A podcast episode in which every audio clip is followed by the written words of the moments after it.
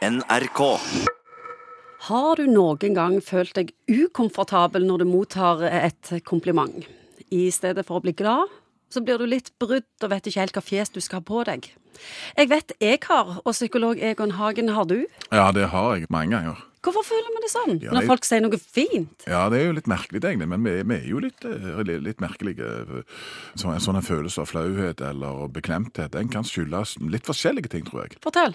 Ja, det kan være eksempel det at du syns utgangspunktet er all oppmerksomhet er flaut.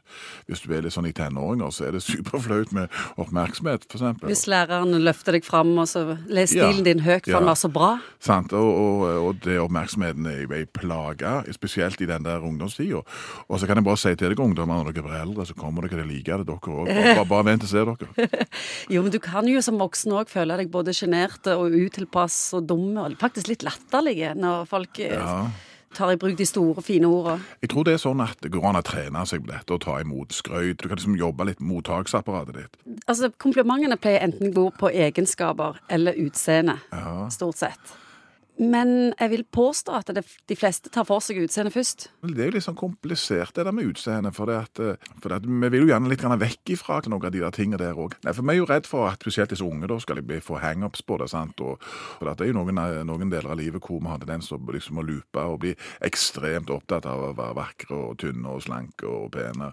Hva er, er vitsen med komplimenter? Hva funksjon skal det ha? Eh, Komplimenter altså, jeg tror det kan fungere veldig godt hvis du knytter det veldig mye til atferd og det du har sett og hørt og sånne ting som dette. Det må være sant og konkret og gjerne knyttet til en situasjon.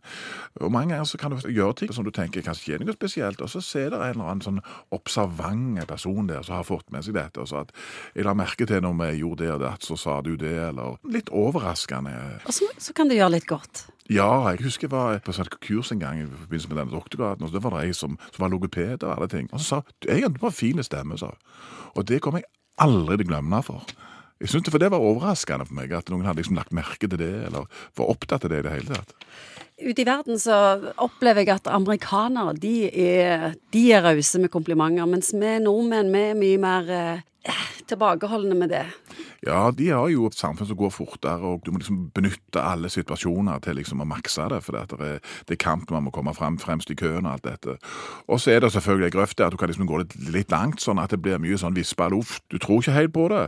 Og da kjenner jo vi nordmenn at ah, ja, vi er ikke helt der heller. Men samtidig så kan vi nok bli litt flinkere, tror jeg, og så ja, og så se hverandre og kommentere på ting som er positive. Hva bør vi tenke på når vi skal gi komplimenter? Prøv også å eh, gi komplimenter for noe som kanskje ikke vedkommende har hørt hundre ganger før.